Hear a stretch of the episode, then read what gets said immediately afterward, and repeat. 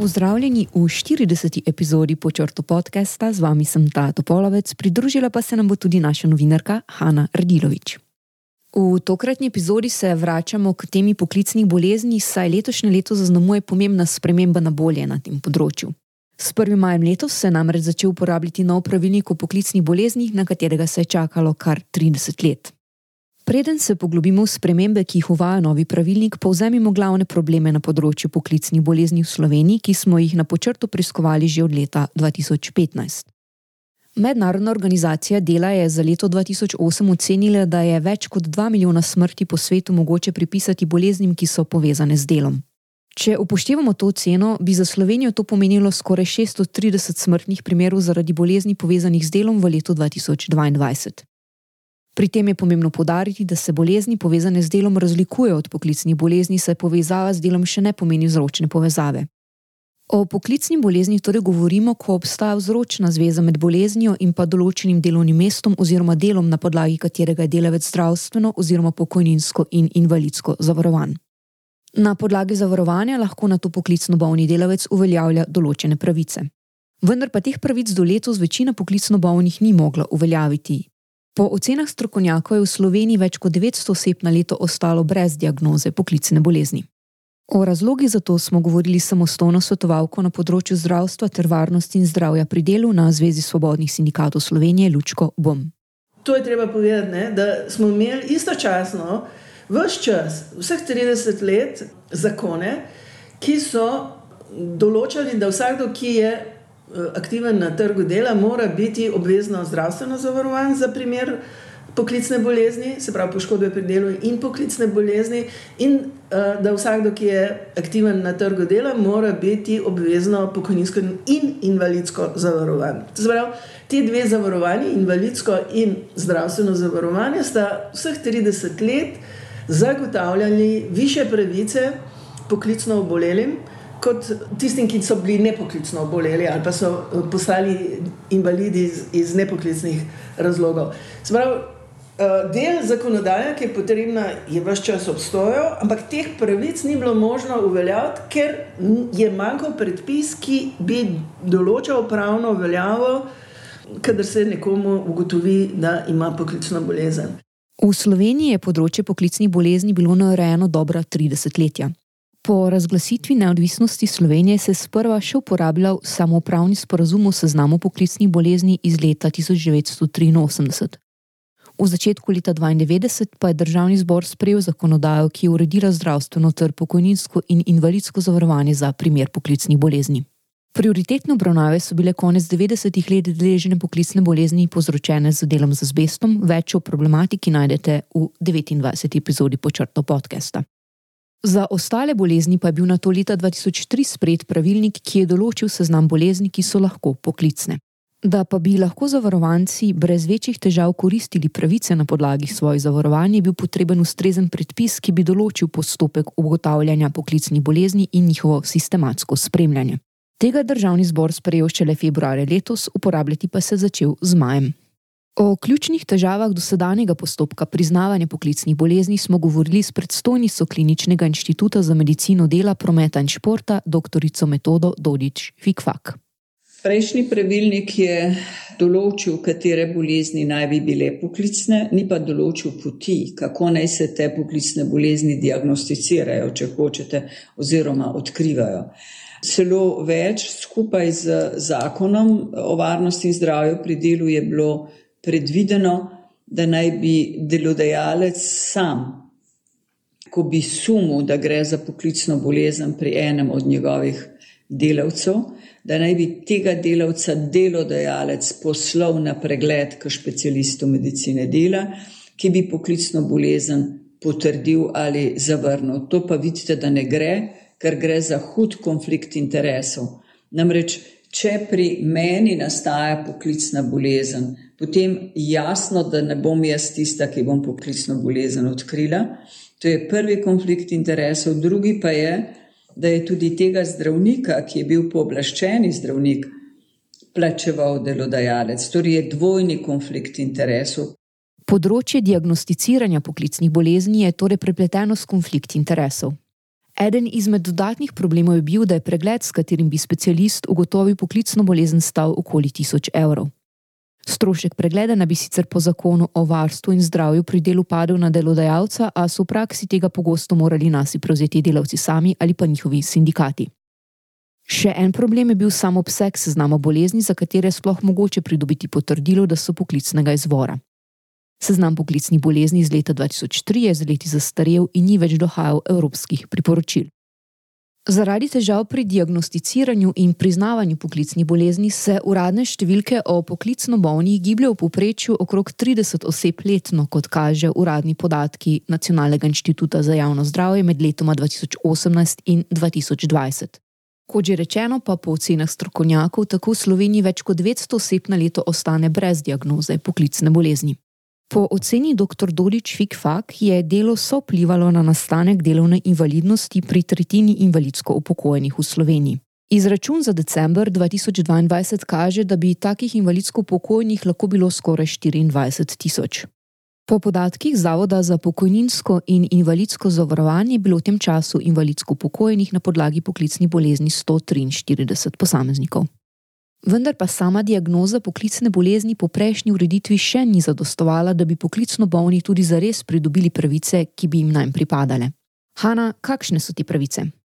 Obvezno zdravstveno zavarovanje bolezni razvršča na tiste, ki nastanejo izven dela in poklicne bolezni. Za poklicno bolne so pravice, ki izhajajo iz zavarovanja, ugodnejše. V primeru nepoklicne bolezni je delavec namreč upravičen do 80-odstotnega nadomestila za prvih 90 dni bolniške odsotnosti in 90-odstotnega nadomestila po 90. dnevu. Poklicno bolni delavec pa je za cel čas trajanja bolniške odsotnosti upravičen do 100-odstotnega nadomestila. Poklicne bolezni so lahko tudi vzrok za nastanek invalidnosti. Poklicno bolni so zato upravičeni do invalidske pokojnine, odmerjene od vsaj 40 let pokojninske dobe, tudi če je še niso dosegli. Za bolezni, ki niso poklicnega izvora, pa morajo zavarovanci izpolnjevati strožje pogoje za pridobitev invalidske pokojnine, njena višina pa se računa enako kot starostna.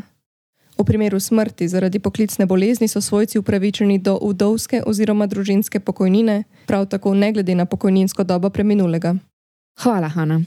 Te pravice bi poklicno bolnim torej omogočile zgodnejše upokojevanje s polno delovno dobo in pa više invalidske pokojnine.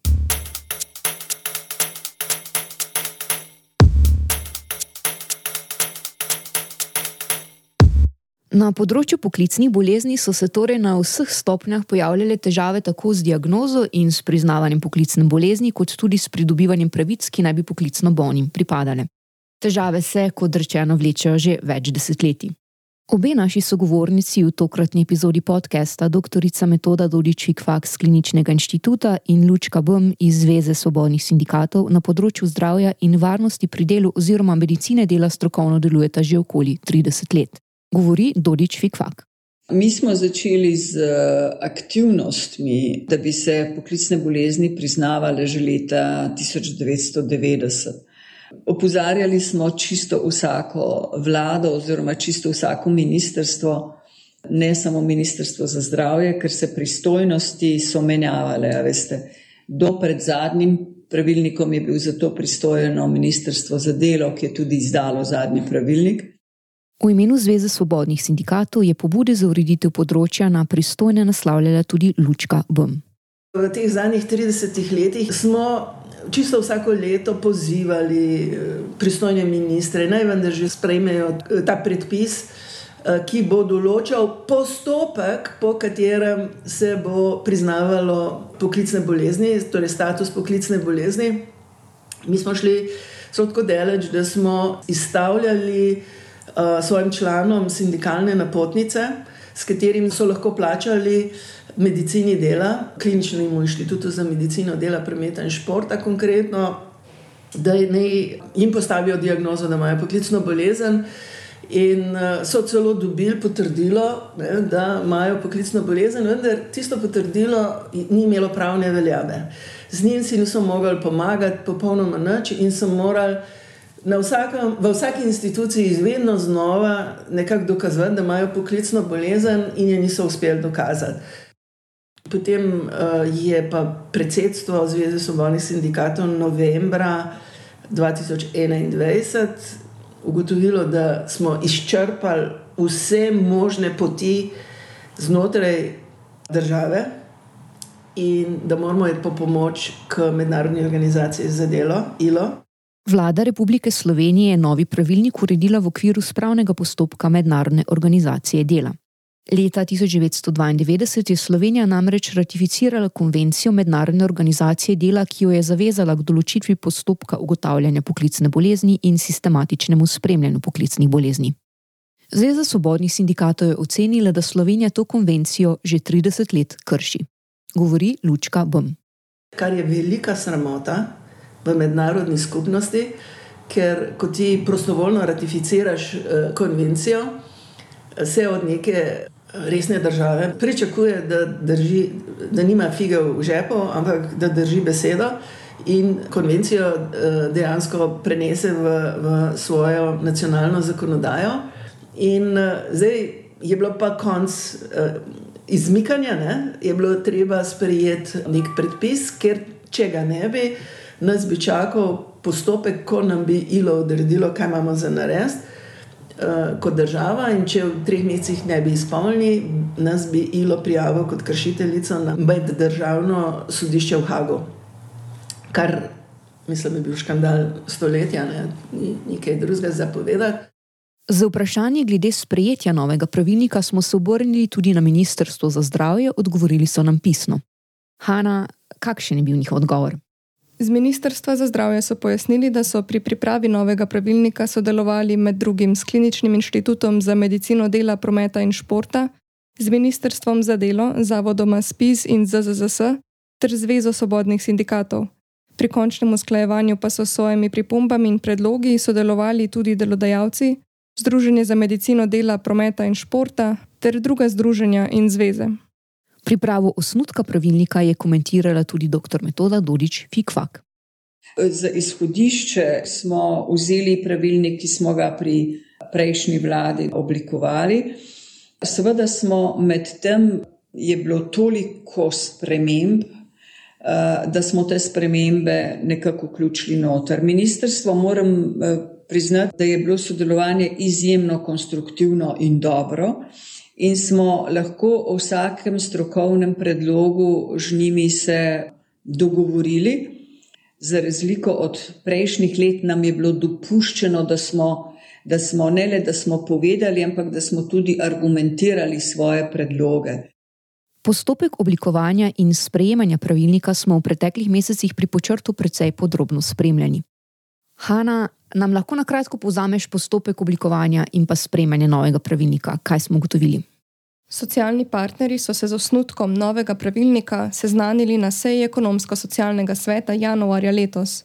Na njej so predstavniki delodajalskih združenj predlagali, da se ustanovi pogajalska skupina za obravnavo pravilnika. Vendar vladna in sindikalna stran s predlogom nista soglašali, saj je bila vlada dialog dolžna voditi v okviru spravnega postopka mednarodne organizacije dela. Delodajalski strani so zato ponudili zgolj možnost, da svoje morebitne pripombe posredujejo v okviru javne razprave. Predstavniki delodajalskih združenj so v postopku sprejemanja novega pravilnika nekaterim delom nasprotovali. V obrtno-podjetniški zbornici, gospodarski zbornici in drugih delodajalskih združenjih so tako na ekonomsko-socialnem svetu kot v okviru javne razprave podali več pripomb in ugovorov. Glavni izmed njih je bil očitek, da delodajalci in njihovi pooblaščeni zdravniki medicine dela niso vključeni v postopek diagnosticiranja in ugotavljanja izpostavljenosti na delovnem mestu. Ta pripomba je bila delno upoštevana.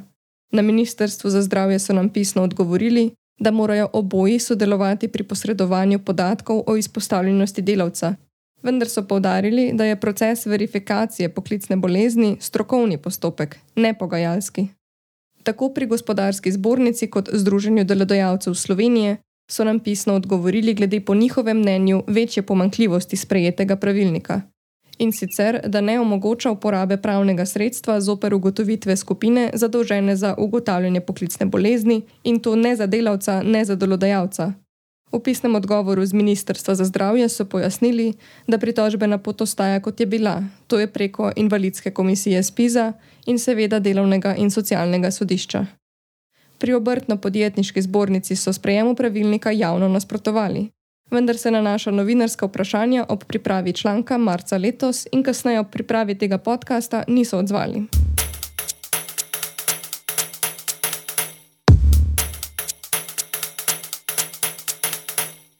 Novi pravilnik je bil torej sprejet februarja letos, uporabljati pa se je začel s 1. majem. Ena pomembnejših sprememb je, da bo postopek ugotavljanja poklicnih bolezni enostavnejši. Delavec bo namreč izpolnil obrazec, ki je sestavni del tega pravilnika, in ga poslal na Klinični inštitut za medicino dela, prometa in športa. Pri tem mu bo lahko pomagal pooblaščeni izvajalec medicine dela, specialist, ki je obravnaval to bolezen, za katero sumi, da je poklicna ali pa izbrani osebni zdravnik ali strokovni delavec za varnost pri delu. Novi pravilnik določa tudi, da so delavca na možnost, da je njegova bolezen poklicna, dolžni upozoriti tako pooblaščeni zdravnik medicine dela pri delodajalcu, delavčev osebni zdravnik, delodajalec, inšpektor za delo in številni drugi. Posodobljen pa je tudi seznam poklicnih bolezni, saj je usklajen z aktualnimi priporočili Evropske komisije iz novembra lani, ki je na seznam dodala tudi COVID-19. Evropski seznam je sicer razdeljen na dva dela.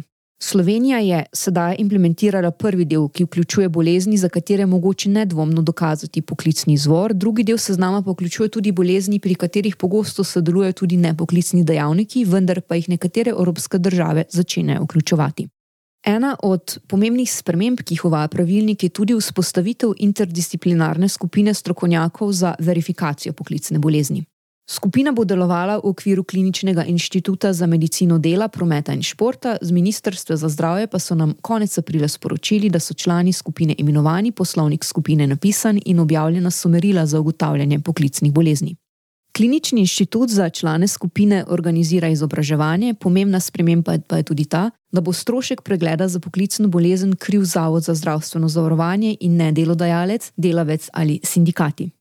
Novi postopek ugotavljanja poklicne bolezni podrobneje predstavi Lučka Bm. Torej, delavec, ki sumi, da je poklicno obolel, mora na posebnem obrazcu, ki je priloga številka dve v pravilniku, vložiti na Klinični inštitut za medicino dela, prometa in športa v Ljubljani, na Grablovičevi, vlogo, s katero zahteva, da se najmo prizna status poklicne bolezni. Tej vlogi mora dodati zraven dokument, zdravniško potrdilo, da mu je diagnosticirana neka bolezen. To se pravi, on diagnozo že ima, potem pa steče postopek v okviru tega kliničnega inštituta, kjer bo sedež izvedenskega organa, tako imenovane interdisciplinarne skupine strokovnjakov, ki bodo preverili, ali ta bolezen, diagnosticirana bolezen, izpolnjuje štiri merila, ki jih pravilnik določa. Zato, da se sme za neko bolezen priznati, da je poklicna. Vlogo delavca bo torej obravnavala prej omenjena interdisciplinarna skupina strokovnjakov za verifikacijo poklicne bolezni. Pri tem se bo ravnala po merilih za ugotavljanje vzročne povezave med delom in boleznijo. Če bodo ugotovili, da so izpolnjena, bodo vlagatelju te vloge izdali potrdilo, da ima to poklicno bolezen. Če bodo ugotovili, da izpolnjujejo neka merila, druga pa ne, bodo uh, izstavili potrdilo, da obstoja sum poklicne bolezni, ki še ni dokončno potrjen. Če pa bodo pač ugotovili, da bolezen ne izpolnjuje nobenih meril, bodo ugotovili, da poklicna bolezen ne obstaja. Torej, tisti trenutek, ko in to se v 60 dnevih naj bi zgodilo, glede na trenutek, ko je delavec vložil popolno vlogo, eh, in potem, če je ugotovljena poklicna bolezen, se to zapiše v registr poklicnih bolezni in se o tem obvesti prvič vlagatelja samega, drugič pa njegovega delodajalca in pa inšpektorat za delo. Ob ureditvi postopka ugotavljanja poklicne bolezni pravilnik spostavlja tudi sistemsko spremljanje poklicnih bolezni pri Nacionalnem inštitutu za javno zdravje. Interdisciplinarna skupina bo letno pripravljala poročilo o poklicnih boleznih in ga posredovala vsem pristojnim inštitucijam. NIJZ bo podatke o poklicnih boleznih z izjemo osebnih podatkov objavljal tudi v zdravstvenem statističnem letopisu in v svojih prosto dostopnih spletnih podatkovnih zbirkah. Govori dr. Dodič Fikvak. In seveda, v tem primeru, če ima priznano poklicno bolezen, se tudi delavec sam odloča, ali bo prosil za invalidnost, za priznanje invalidnosti, in če bo to imel priznano, se tudi sam odloča, ali bo šel v tožbo zaradi neke očkodnine, ali ne bo šel, ali se bo z delodajalcem pogodil. To je njegova odločitev. Po izdanem sklepu interdisciplinarne skupine kliničnega inštituta sledijo po večini nespremenjeni postopki na Zavodu za zdravstveno zavarovanje, Zavodu za pokojninsko in invalidsko zavarovanje in na sodišču. Z izjemo ene ključne spremembe. Po novem pravilniku je namreč ugotovitev interdisciplinarne skupine strokovnjakov podlaga za odločitev o pravicah iz obveznega zdravstvenega zavarovanja oziroma pokojninskega in invalidskega zavarovanja. Invalidska komisija pri SPIZ-u, denimo, je do sedaj pogosto zavračala ugotovitve specialistov medicina dela z kliničnega inštituta, kot je v naših člankih večkrat upozorila dr. Dodič Kvak. Sedaj pa bo jih moralo upoštevati kot podlago za svoje odločitve. Z dodatnimi vprašanji smo se obrnili tudi na tri za področje pristojne inštitucije: Ministrstvo za zdravje, Zavod za zdravstveno zavarovanje in Inšpektorat za delo. Hanna, kaj so nam odgovorili? Na Ministrstvu za zdravje so nam pisno odgovorili, da je ugotovitev poklicne bolezni, ki jo invalidska komisija prejme od interdisciplinarne skupine, izvid, ki ima strokovno težo. To, da invalidska komisija sprejme diagnozo poklicne bolezni, pa ni zavezujoče, niti ni nikjer zapisano, je pa priporočljivo. Poudarili so, da si težko predstavljajo primer, ko bi se lahko invalidska komisija odločila drugače kot interdisciplinarna skupina kliničnega inštituta. Zavarovanci lahko pravice na podlagi poklicne bolezni uveljavljajo tudi na Zavodu za zdravstveno zavarovanje, kjer so nam pisno odgovorili, da bo ugotovitev interdisciplinarne skupine upoštevana kot dokazilo o poklicni bolezni zavarovanca. Ali je razlog za uveljavljanje konkretne pravice pri Zavodu poklicna bolezen ali drug razlog, pa bo predstavljalo strokovno vprašanje, ki bo ugotovljeno strani pristojnih na Zavodu. Ugotovitev o obstoju poklicne bolezni pa bo posredovana tudi inšpektoratu za delo. Po začetku uporabe novega pravilnika so se sredi maja sestali predstavniki inšpektorata in kliničnega inštituta, da bi razjasnili vlogo inšpektorata pri izvajanju novih določil. Inšpektorji bodo spremljali, ali so pri delodajalcih v ocene tveganja vključeni dejavniki tveganja za poklicne bolezni in tudi ukrepi za njihovo preprečevanje. Po prejemu obvestila o potrjeni poklicni bolezni od kliničnega inštituta bo inšpektorat opravil inšpekcijski pregled, s katerim bo zagotovil delovne pogoje, ki ne bodo vodili v poklicna obolenja. Klinični inštitut bo lahko zaprosil inšpektorat za obveščanje o ugotovitvah inšpekcijskih nadzorov pri posameznih delodajalcih. V pisnem odgovoru so na inšpektoratu povdarili, da bo z inštitutom potekalo aktivno medsebojno sodelovanje. Če torej povzamemo, so ključne rešitve novega pravilnika naslednje. Začetek postopka verifikacije poklicne bolezni bo enostavnejši, saj bo vlogo za to lahko podal delavec sam, strošek za zdravstveni pregled, s katerim se ugotavlja obstoj poklicne bolezni, pa bo krit iz obveznega zavarovanja. Spostavljena je tudi nova interdisciplinarna skupina. Njene ugotovitev o obstoju poklicne bolezni bo podlaga za uveljavljanje pravic na pristojnih zavodih posodobljen je seznam poklicnih bolezni in uveden postopek njegovega dopolnjevanja, in ne na zadnje, zapovedano je sistematsko poročanje o poklicnih bolezni, kar bo omogočilo spremljanje učinkovitosti novega predpisa skozi čas.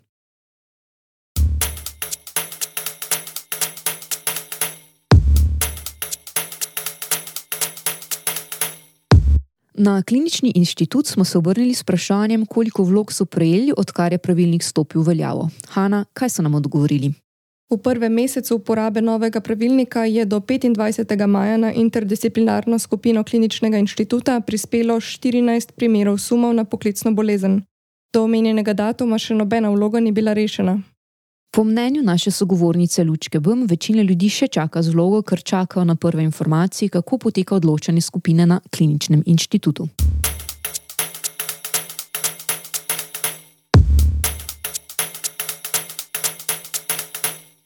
Novi pravilnik je pomemben korak na področju poklicnih bolezni, vendar pa ne uraja vseh problemov.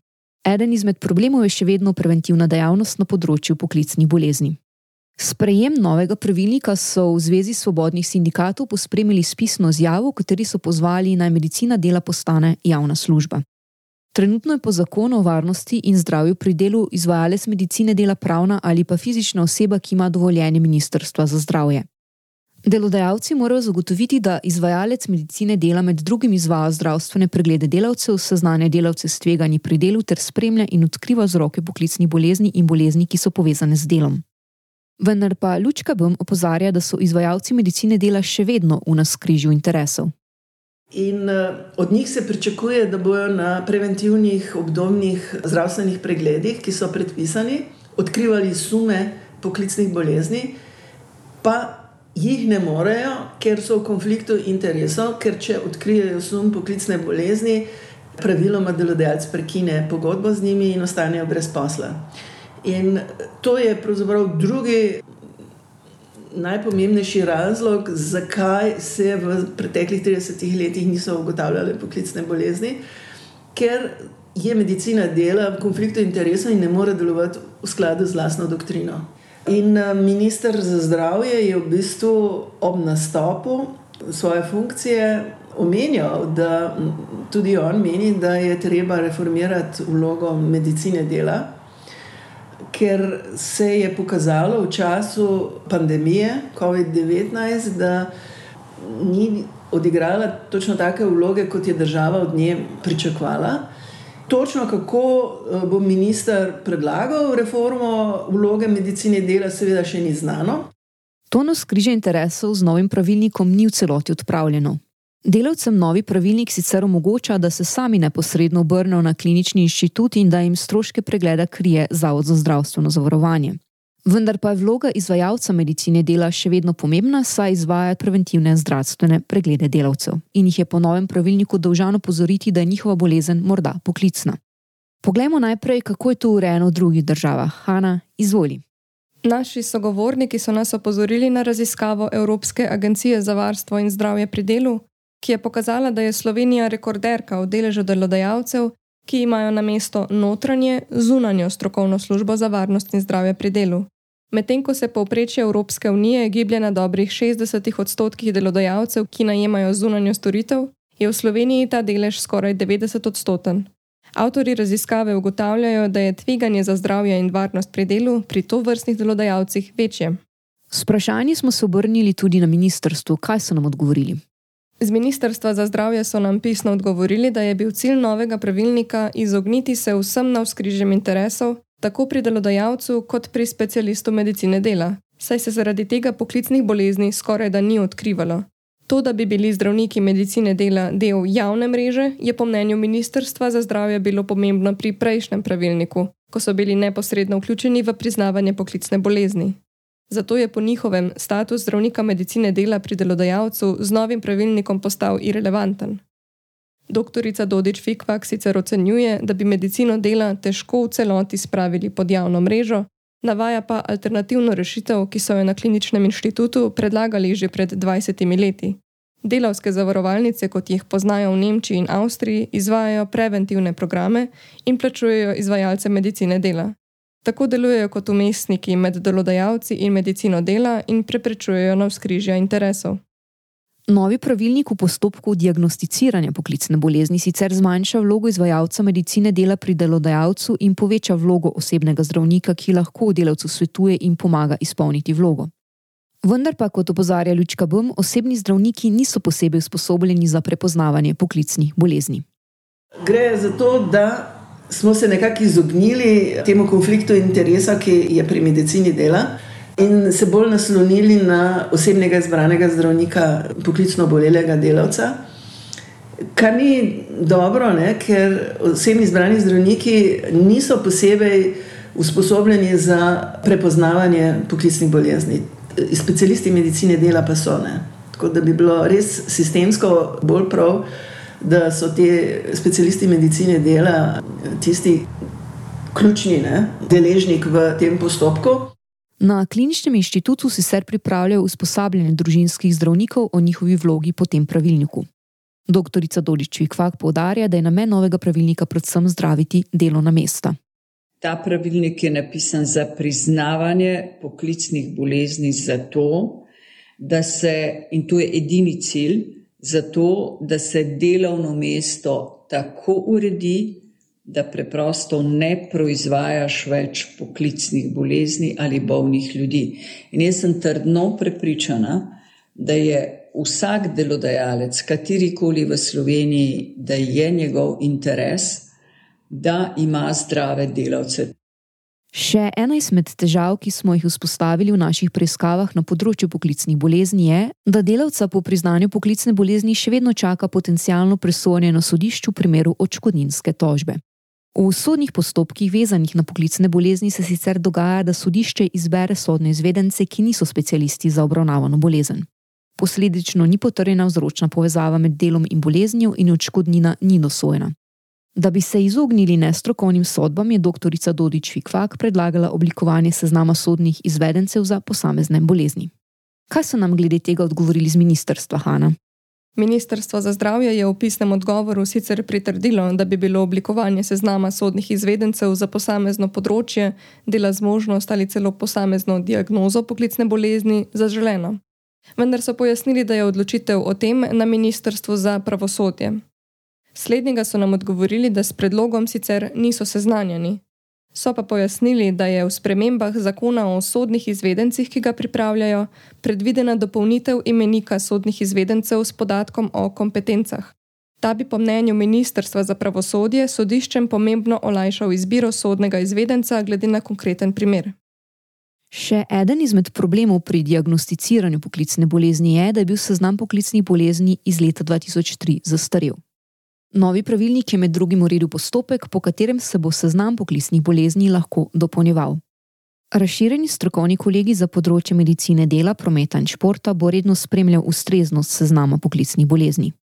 V skladu z novim pravilnikom bo namen vsakih pet let v celoti preveril njegovo ustreznost in morbitne spremembe, pri katerih bo upošteval tudi pobude, predlagal ministru za zdravje. Kaj je bilo do sedaj dodatno vključeno v seznam poklicnih bolezni in kaj še ni vključeno, Hanna? Trenutni seznam poklicnih bolezni, vključen v novi pravilnik, se sklada s prvim delom seznama, ki ga priporoča Evropska komisija. Ta je bil po letu 2003 prvič posodobljen lani novembra. In sicer je bil na seznam dodan COVID-19 za dejavnost zdravstva in socialnega varstva. Odprto vprašanje pa ostaja, ali bo Slovenija vključila tudi nekatere izmed bolezni iz drugega dela seznama, na katerem so bolezni povezane z delom. In za katere bolezni gre? Sem spadajo naprimer tiste kostno-mišične bolezni, ki so degenerativne narave, ter psihične, duševne in vedenske motnje. Zveza svobodnih sindikatov je že podala prvi predlog za dopolnitev tega seznama, govori Lučka Bum. Ta postopek smo mi že izkoristili in predlagali, da se doda ta še dve novi uh, poklicni bolezni. In sicer kožni rak zaradi uvesevanja na delovnih mestih na prostem, ker nas stroka, medicina opozarja, da je zaradi teh klimatskih sprememb v pandemičnem porastu število kožnega raka zaradi uvesevanja. Naprimer, Nemci ga že imajo v svojem seznamu poklicnih bolezni. No, in zdaj, pred kratkim smo na predlog sindikata poklicnega gasilstva Slovenije dodali še predlog, da se naj na slovenski seznam uvrsti tudi posttraumatska stresna motnja. To je zelo uh, nevarna bolezen, ki se pojavlja v nekaterih poklicih bolj pogosto kot v drugih. Mi menimo, da je pravično, da se to uvrsti na eh, seznam, zlasti zato, ker poleg evropskega priporočenega seznama obstoja še svetovni Eh, priporočeni seznam poklicnih bolezni, ki ga je pa leta 2010 priporočila Mednarodna organizacija za delo ILO. In ta pa na svojem priporočenem seznamu že ima to posttraumatsko stresno motnjo. Še eno pomembno področje urejanja problematike poklicnih bolezni je preventiva, torej da do poklicne bolezni sploh ne pride. Delodajalci so zakonsko zadolženi med drugim za preverjanje skladnosti delovne opreme s predpisi o varnosti in zdravju pri delu ter preiskovanje škodljivosti delovnega okolja. Oblikovati mora oceno tveganja, obvladovati nevarnost pri viru in zagotoviti redne preventivne zdravstvene preglede delavcev. Po izkušnjah predstojnice kliničnega inštituta dr. Dodič Fikvak, redki delodajalci izvajo vse potrebne meritve škodljivosti delovne opreme in delovnega okolja. Te meritve so ključne za preventivo in za ugotavljanje vzročne povezave med delom in boleznjo. Klinični inštitut je naprimer nedavno poskušal pridobiti podatke za Ministrstvo za delo o tem, koliko delavcev je v Sloveniji izpostavljeno kremenčevemu pesku, ki je rakotvoren. Govori Dodič Fikvak. In smo ugotovili, da je potencialno imamo v Sloveniji 30 tisoč podjetij, ki uporabljajo kremenčev pesek, velikih in malih. In potem smo vzeli samo tista večja, ki imajo več kot 10 zaposlenih. In eh, ne boste verjeli, da meritve dela samo in izključno 19 podjetij je delalo meritve. In to še izjemno redke. Torej, mi rabimo, če hočeš verificirati poklicno bolezen, rabiš zelo konkreten podatek. E, tako da to, take pasti nas še čakajo. Dopolnitve so potrebne tudi pri vlogi preventivnih zdravstvenih pregledov. Tega področja sicer ne ureja novi pravilnik o poklicnih bolezni, ampak pravilnik o preventivnih zdravstvenih pregledih. Obdobni pregledi se množično izvajajo, tako da kolegi pripovedujejo o tem, da so dejansko polno zasedeni. Samo ponovno vam poudarjam, če gledaš zdravje delavcev v celoti, Potem je preventivni pregled samo en majhen delček. Ta preventivni pregled mora imeti, seveda, povratno zvezo. To pomeni, da ta um, preventivni pregled mora povzročiti, da se nekaj na delovnem mestu zgodi. To pomeni, če človek zboleva, moraš ti spremeniti razmere na delovnem mestu. In zdaj so preventivni pregledi preveč, kako bi vam rekla, star sama zase. Klinični inštitut je pripravil strokovne podlage za posodobitev pravilnika o preventivnih zdravstvenih pregledih delavcev iz leta 2002. Kot je zapisano v akcijskem načrtu za izvajanje aktualne resolucije o nacionalnem programu varnosti in zdravja pri delu, bo pravilnik posodobljen prvič po letu 2006. Pri tem bodo upoštevali strokovne smernice medicine dela, dobro prakso iz primerljivih evropskih držav in značilnosti slovenskega sistema zdravstvenega varstva delavcev. Z Ministrstva za zdravje so nam pisno odgovorili, da posodobitev pravilnika načrtujejo v naslednjem letu.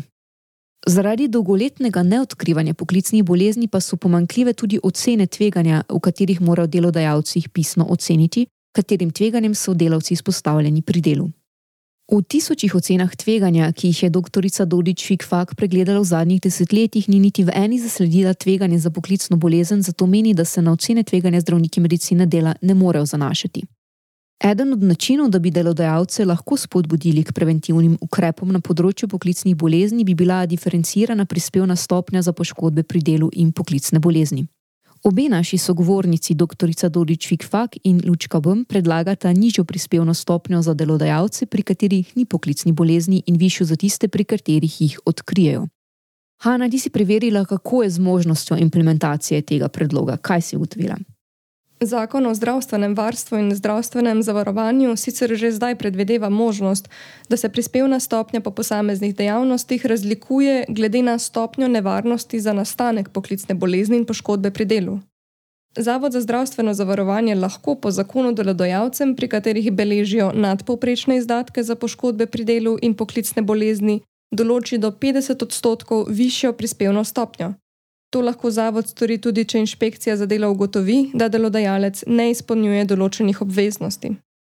Na zavodu so nam pisno pojasnili, da se jim v zvezi s temi določili že dlje časa zastavljajo številna sistemska vprašanja. Med drugim bi za določitev višine prispevne stopnje zavod potreboval podatke po dejavnostih in po delodajalcih za vsaj nekaj letno obdobje. Vendar zavod trenutno ne razpolaga z realističnimi podatki, ker se poklicne bolezni tako dolgo niso odkrivale. Tudi s posodobljenim postopkom ugotavljanja poklicnih bolezni pa na zavodu ocenjujejo, da bi postopek trajal predolgo, da bi bili podatki, ko jih prejmejo na zavodu, še dovolj aktualni za računanje višine prispevnih stopenj. Na podlagi navedenega in številnih dodatnih pomislekov so na zavodu zapisali, da je določitev različnih prispevnih stopenj za posamezne delodajalce zelo zahteven in obsežen projekt, ki presega okvire njihove pristojnosti. Z Ministrstva za zdravje po drugi strani so nam pisno odgovorili, da gre v tem primeru za področje, ki se ureja z zakonom in bo predmet razmisleka, ko pridejo do razprave o tem. Vprašali smo se tudi, kaj se zgodi, ko je poklicno bolnemu delavcu na invalidski komisiji priznana invalidnost in ne more več opravljati dela na obstoječem delovnem mestu ali pa vsaj ne v enakem obsegu. Priznana invalidnost je lahko tretje, druge ali prve kategorije, pri čemer slednja pomeni 100-odstotno invalidnost. V primeru popolne invalidnosti delavcu samodejno preneha veljati pogodba o zaposlitvi. Odpustitev delavca na podlagi delne invalidnosti, ne da bi delodajalec poskušal najti alternativo, pa je nezakonita. Tistim poklicno bolnim, ki mi je pripisana zmanjšana zmožnost za delo in pridobijo status invalida ali delovnega invalida, mora delodajalec prilagoditi delovne pogoje. Preverili smo torej, kako ne bi te prilagoditve potekale, Hanna, kaj ugotavljamo. Delodajalec lahko izvede prilagoditve s krajšanjem delovnega časa, z menjavo delovnega mesta ali s poklicno rehabilitacijo. Slednja pomeni prilagoditev z ustreznimi tehničnimi pripomočki, če pa to ni mogoče, se invalid lahko vključi v usposabljanje za drug poklic. Če pa delodajalec oceni, da potrebnih prilagoditev za invalida ne more zagotoviti, mora o zadevi odločiti komisija za ugotovitev podlage za odpoved pogodbe o zaposlitvi. Komisija je bila v sistem varstva invalidov uvedena leta 2006, ko je na mesto absolutnega varstva invalidov pred odpovedjo pogodbe o zaposlitvi začel veljati sistem relativnega varstva. Komisija deluje v okviru Ministrstva za delo in je lansko leto rešila skoraj 400 primerov nameravanih odpovedi pogodb o zaposlitvi, od tega je šlo skoraj da v celoti za delovne invalide. V več kot 70 odstotkov primerov je komisija ugotovila, da obstaja podlaga za odpoved pogodbe o zaposlitvi in to brez ponudbe nove pogodbe. Od tega je v tretjini primerov šlo za poslovni razlog, v dveh tretjinah primerov pa delodajalec iz drugih utemeljenih razlogov ni mogel ponuditi nove pogodbe. Odpuščeni invalidi tako pristanejo na Zavodu za zaposlovanje, kjer je bilo v lanskem letu prijavljenih skoraj 7000 brezposelnih delovnih invalidov. Da bi se prekvalificirali in našli novo zaposlitev, je invalidom na voljo zaposlitvena rehabilitacija. Medtem ko je za poklicno rehabilitacijo pristojen spis, za poslitveno rehabilitacijo izvaja Zavod za zaposlovanje. V letu 2022 je bilo v storitve zaposlitvene rehabilitacije vključenih okoli 2000 brezposelnih invalidov, od tega 500 delovnih invalidov. Delodajalcem je kot spodbuda za zaposlovanje delovnih invalidov sicer na voljo več ugodnosti, kot so subvencije in davčne vlajšave. Vseeno je med tistimi delovnimi invalidi, ki so prijavljeni na Zavod za zaposlovanje, delež dolgotrajno brezposelnih med 70 in 75 odstotkov. Področje, ki torej še čaka na ureditev, je področje invalidskega zavarovanja. Kot smo pri počrtu ugotavljali že leta 2016, država invalidom, ki ne morejo več delati, omogoča le životarjenje pod pragom tveganja revščine. Govori Lučka Bum. Moram reči, da še vedno v Sloveniji čakamo na reformo invalidskega zavarovanja, eh, mi mislimo, da je bila zanemarjena v vseh dosedanjih pokojninskih reformah, ker je pač zmanjkalo časa za invalidsko zavarovanje, ker je bilo toliko dela za reformo starostnega pokojninskega zavarovanja. Tako da je na področju invalidskega zavarovanja zelo veliko stvari, ki bi jih bilo treba sistemsko bolje urediti, kot so trenutno urejene med drugim pravico do poklicne rehabilitacije, ki je še vedno načeloma upisana v zakon, jo pa izredno malo delodajalcev in uh, delovnih invalidov izkoristi. Tokratno epizodo počrto podcasta lahko torej zaključimo z naslednjo ugotovitvijo. Novi pravilnik uvaja postopke priznavanja poklicnih bolezni, ki urejajo več desetletij trajajoče težave na področju priznavanja poklicnih bolezni vendar pa ostajajo določene vprašanja še odprta, prav tako pa bo pomembno spremljati, kako se novi pravilnik dejansko obnese v praksi. Zato bomo pri počrtu področje poklicnih bolezni še nadalje spremljali.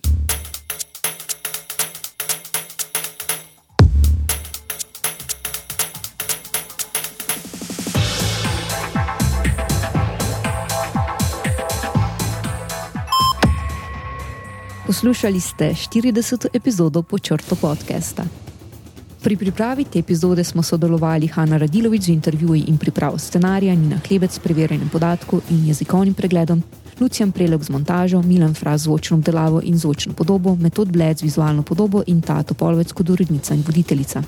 Izvršna producentka Počrto podcasta sem Tato Polovec. Preiskave na počrtu omogočate naše podpornice in podporniki z donacijami. Če želite podpreti naše delovanje v letu 2023, nas lahko z donacijo po svoji zmožnosti podprete na počrto.si pošiljnica podpri. Hvala. Se slišimo v naslednji epizodi. thank you